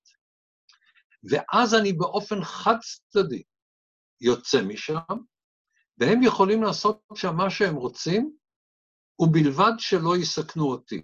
זאת אומרת, ברגע שאני רואה שהם עושים משהו שמאיים עליי, אני אתערב בכוח ואמנע את זה בכוח. אבל אמרו את זה גם על ההתנתקות, לא? אני חושב שההתנתקות מעזה הייתה הצלחה מסחררת. מסחררת. וכאן אני חולק על הרוב הגדול של הישראלים. אני ידעתי שיהיה טרור, לא רק שתמכתי בזה, נותנים לי קרדיט, ואני מקווה קרדיט מוצדק, שאני הייתי בין, בין אלה ששכנעו את שרון ללכת בכיוון הזה, נותנים לי בעניין הזה קרדיט שאני מקווה שהוא מוצדק, אולי כמי שהשפיע עליו לראשונה בכיוון הזה. ואני חושב שהמטרה של יציאה מעזה היא בדיוק המטרה של היציאה מרוב יהודה ושומרון, כדי שלא תהיה אי-הבנה. לא מגיעה להם מדינה. הם התנהגו בצורה כזאת שלא מגיע להם כלום. אבל אתה נותן פרס לא גדול מאוד, לא? לשלום. לא יהיה שלום, אין שום סיכוי לשלום. הם יישארו אויב דסטרוקטיבי, מתבכיין, שכנים רעים, שיזיקו לעצמם ולאחרים. זה מה שהם עושים מאה שנים, אני לא רואה... תראה, הייתה להם אופציה של מנהיג בונה אומה, סלאם פיאד, אדם ש... שרצה לבנות את האומה הפלסטינית. הדבר הטוב ביותר שקרה להם היה סלאם פיאד, ומעולם לא היה לו יותר משני אחוז תמיכה בקרבה. ולכן אני רוצה לקיים את הכושר הפיזי שלי, למנוע מהם להזיק לי, ואני רוצה להינתק מהם במידת האפשר. אני לא רוצה שייכנסו ארצה, אני לא רוצה שיהודים יישארו שם, אני לא רוצה שיהודים ייכנסו לשם, אני לא רוצה קשר ביניהם. כל קשר בינינו לבינם מזיק לנו. אני אינני רוצה שהדבר הזה יתקיים, וחבל שלא עשינו את זה לפני 40 שנה. זה כמו שאמרת, אני רוצה, אה, אה, אני רוצה להתחרות בעמק הסיליקון, בשביל מה אני צריך להתחרות בעמק הנילוס? נכון. לא, אבל אני גם רוצה לתת לך, אני, כי, כי זו נקודה חשובה בעיניי. מה הייתה מטרתי בעזה? אני שאלתי את עצמי רק שאלה אחת, האם החברה הישראלית יותר חזקה עם עזה או בלי עזה? והתשובה החד-משמעית היא שהחברה הישראלית יותר חזקה בלי עזה. כי אנחנו יכולים להיות אפילו בלי סיוע אמריקאי, יהיה מאוד מאוד קשה, אבל אפילו בלי סיוע אמריקאי, ולא בלי חברה ישראלית חזקה. ולדעתי ישראל תהיה יותר חזקה בלי שכם. ואין לנו שום צורך... מכיוון שיש קולות שאומרים שאנחנו, קולות בשמאל שבעצם מדברים על הכיבוש המשחית, כי כנגד זה, אני הייתי בצבא בתקופה של ההתנתקות, ואחרי זה גרתי באשקלון. אז מהצד שלי, גם בתור אחד שהיה בצבא בין המפנים, וגם אחרי זה ראה, א', עזוב את זה, את כל המראות של הבתי כנסת שהם שורפים, עזוב את זה, כן? בואו נתקדם. עושה רושם שקו הגבול הגיע הרבה יותר צפונה, ולכן היכולות של שליחת הטילים הגיעו הרבה יותר צפונה. זה, זה, זה בתור בן אדם... אבל אויב, אויב מבחוץ הרבה פחות מסוכן מאויב מבפנים. זה שיש קו גבול, פחות חשוב איפה הוא עובר, מבחינת הקרבה, יותר חשוב שיש קו גבול, ושאני לא צריך להתעסק בגועל נפש של שלטון בעזה. ואני, אם אין לי ברירה, אני ארע לשם, אני אהרוג מחבלים, אני אהרוס תשתיות, אני אעשה מה שצריך כדי להכאיב להם עד כדי כך שהם יראו בי פחות. אבל הרבה יותר גרוע שהם חיים בקרבנו ואנחנו חיים בקרבם, אויב פנימי לאין שיעור יותר מסוכן מאויב חיצוני. אני צריך לחשוב על מה שאמרת, וזו הזדמנות טובה. א', להגיד לך תודה רבה על הזמן שלך. כמו תמיד, מרתק, מעלה הרבה מאוד מחשבות. רוב הקהל שלי הוא קהל אה, קונסרבטיבי עם נטייה לימין, ואני מאוד מאוד, מאוד מעניין אותי איך הוא יקבל מצד אחד מישהו עם אמירות כל כך קשות כנגד התרבות האסלאמית, ערבית, פלסטינית, ומצד שני... התרבות הפוליטית הערבית. התר... ו... ומצד שני, איזה שהם... אה, אה, אה, מנטליות ממש של איש מפא"י או איש שמאל, כאילו קשה לקרוא לך איש שמאל, כן? אני, אני לא זה, אבל אנחנו נראה איך זה, איך זה יקרה. לי בוודאי נתת הרבה מאוד מה לחשוב. ברשותך, אני כל ראיון מסיים עם שתי שאלות. שאלה ראשונה, האם יש לך ספר שקראת בחמש שנים האחרונות שהשפיע עליך, הפך לך את הראש, שהיית אה, ממליץ עליו? לא, תראה, אני אה, מצליח בדרך כלל לקרוא סדר גודל של שלושה עד חמישה ספרים בשבוע. אני לא קורא את הספר כולו, כי אני בדרך כלל קורא ספרות אה, מחקרית, ואני מתמקד באותו חלק של הספר, בדרך כלל שני שליש, 70-80 אחוז, שבו המחבר מבין יותר מכל אחד אחר. אה, אני... התרומה היא לא מספר בודד שפתאום האיר את עיניי, אלא ממכלול גדול של ראיית דברים מהיבטים שונים. אני אתן לך דוגמה. קריאה אצל קיסינג'ר תמיד גורמת לי להנאה אנליטית, כי אני רואה אדם שיודע לחבר את שני הדברים גם יחד.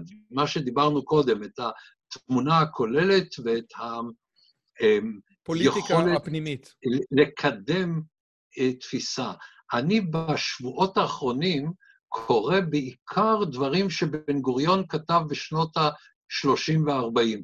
אני קראתי, אני חושב, שישה, שבעה ספרים שהם אוספים של דברים שהוא אמר בתקופות האלה, וזה דברים כל כך מדהימים וכל כך רלוונטיים, שבספר שאתה הזכרת, שסיימתי לכתוב אותו עכשיו, על היעדים הלאומיים של ישראל, אני אביא בסופו של דבר נספח עם דברים של בן גוריון משנות ה-30, ה-40, ה-50, דברים של אה, אה, ארלוזורוב, של רופין, של שרת, של דיין, שבאמת נותנים לך פרספקטיבה על איך האנשים ראו את המציאות אה, בעבר, איפה הם טעו, איפה הם, הם, הם ראו את הדברים נכוחה, איך הם שינו את האסטרטגיה תוך כדי מהלך הדברים, כאשר הם הגיעו למסקנה שאסטרטגיה קודמת הוליכה אותם למבוי סתום. הם משנים את המגמה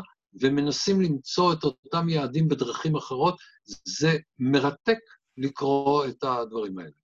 אוקיי, אז, אה, אז קודם כל, אז יכול להיות שזה באמת ההמלצה שלנו, הספר הבא של דן על היעדים הלאומיים של מדינת ישראל. והשאלה השנייה, בתור בן אדם סופר, סופר, סופר פרודקטיבי, שעושה כל כך הרבה וכותב וקורא וחמישה ספרים, יש לך טיפ, כי בין היתר הערוץ שלי מתעסק באיך להיות פרודקטיבי יותר, אתה קראת לזה גם קונסטרוקטיבי, כאילו לייצר דברים. יש לך טיפ שאתה משתמש בחייך כדי להיות יותר פרודקטיבי בחייך? תראה, ישנו עניין אחד טכני, אבל כאן אני מודה שהיתרון הוא בזה שבחרתי באפיק האקדמי, זה מאפשר לי לעבוד, אה, לעבוד בבית, תמיד, עם ספרייה מאוד גדולה, אני מימיי לא הייתי בתוך ספרייה. אני, כל דבר שאני רוצה, אני קונה, ואם זה כבר לא ניתן להשיג את זה, אני מצלם אותו.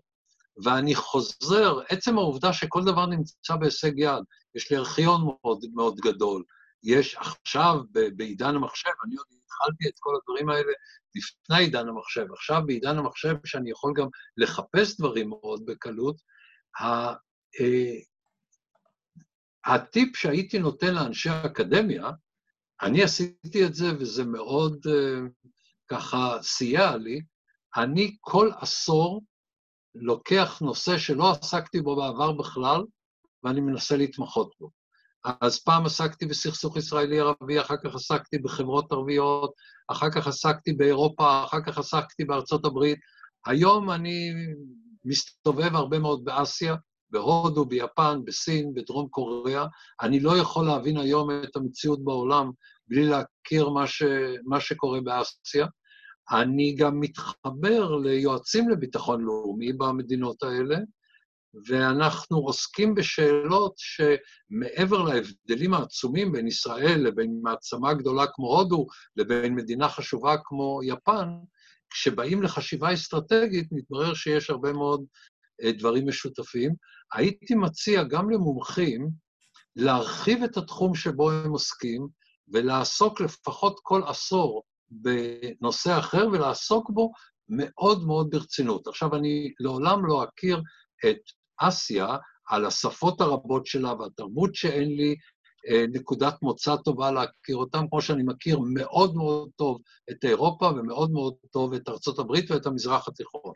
אבל בכל זאת, אם אתה רוצה היום להבין את העולם, אתה צריך להבין שאירופה יורדת מגדולתה, אסיה עולה בחשיבותה, ולכן תנסה להבין פרספקטיבה הודית, פרספקטיבה יפנית. אני מאוד הייתי ממליץ לאנשים להרחיב את תחומי ההתעניינות שלהם. והיום יותר מתמיד זה הרבה הרבה יותר פשוט בגלל הנגישות של המידע. אני לא יודע אם, אם את הראיון הבא, אם תסכים, נרא, נעשה ביפנית. לא, אני לא יודע, רק לימדו אותי שלנהג ביפנית קוראים איש עם אוטו, אבל אני לא מתכוון ללמוד יפנית, ואני אסתפק בשפות שבהן אני שולט היום, שאגב, מאוד עוזרות להבין תרבויות. איזה שפות, אגב? אני התחלתי בזמן האחרון לתת הרצאות בגרמנית, קודם לא הייתי מספיק בטוח בדברים, ופתאום שמתי לב שאני מגיע לרבדים שכשדיברתי אנגלית בגרמניה לא הייתי מגיע אליהם, ו... אבל יפנית או רגע, אז אני חייב לשאול, איזה שפות אתה מדבר? עברית, אנגלית, אה, גרמנית? בוא לא ניכנס עכשיו לכל סיפור חיי. טוב, אה, דן... אני אה, שמחתי על הרעיון, תודה רבה. תודה רבה רבה על הזמן שלך, תודה רבה לכם. תגובות, ואנחנו נראה איך אנחנו מתקדמים משם. אם הגעתם עד לכאן, מגיע לכם כל הכבוד. אז תנו לי להגיד לכם שלושה דברים קצרים. הדבר הראשון, אם שמעתם משהו בשיחה שמעניין אתכם, שאתם רוצים לקחת הלאה, פשוט ספרו אותו לאנשים אחרים. משהו מעניין שאני אמרתי, משהו מעניין שהאורח שלי אמר, איזשהו רעיון שאתם רוצים לקחת איתכם לחיים, פשוט ספרו אותו לחבר או לחברה. זאת הדרך הטובה ביותר לזכור את הרעיונות מתוך השיחות האלה. הדבר השני, אם אתם רוצים לקחת חלק בקהילה שלנו ולפגוש ולדבר עם אנשים כמוכם, אתם מוזמנים לערוץ הטלגרם שלנו, שווה לכם מאוד. פשוט תראו עוד אנשים שמתעניינים מדברים מגניבים בדיוק כמוכם. והדבר האחרון, אם אתם יכולים, דרגו את הערוץ שלנו באפליקציית הפודקאסטים שלכם, זה יכול להיות בספוטיפיי, באפל פודקאסט או בגוגל פודקאסט, זה תהליך קצר של שתי שניות, הוא מאוד מאוד יעזור לנו להפיץ את הבשורה הלאה. שיהיה לכם כיף גדול וכיף בשיחה הבאה.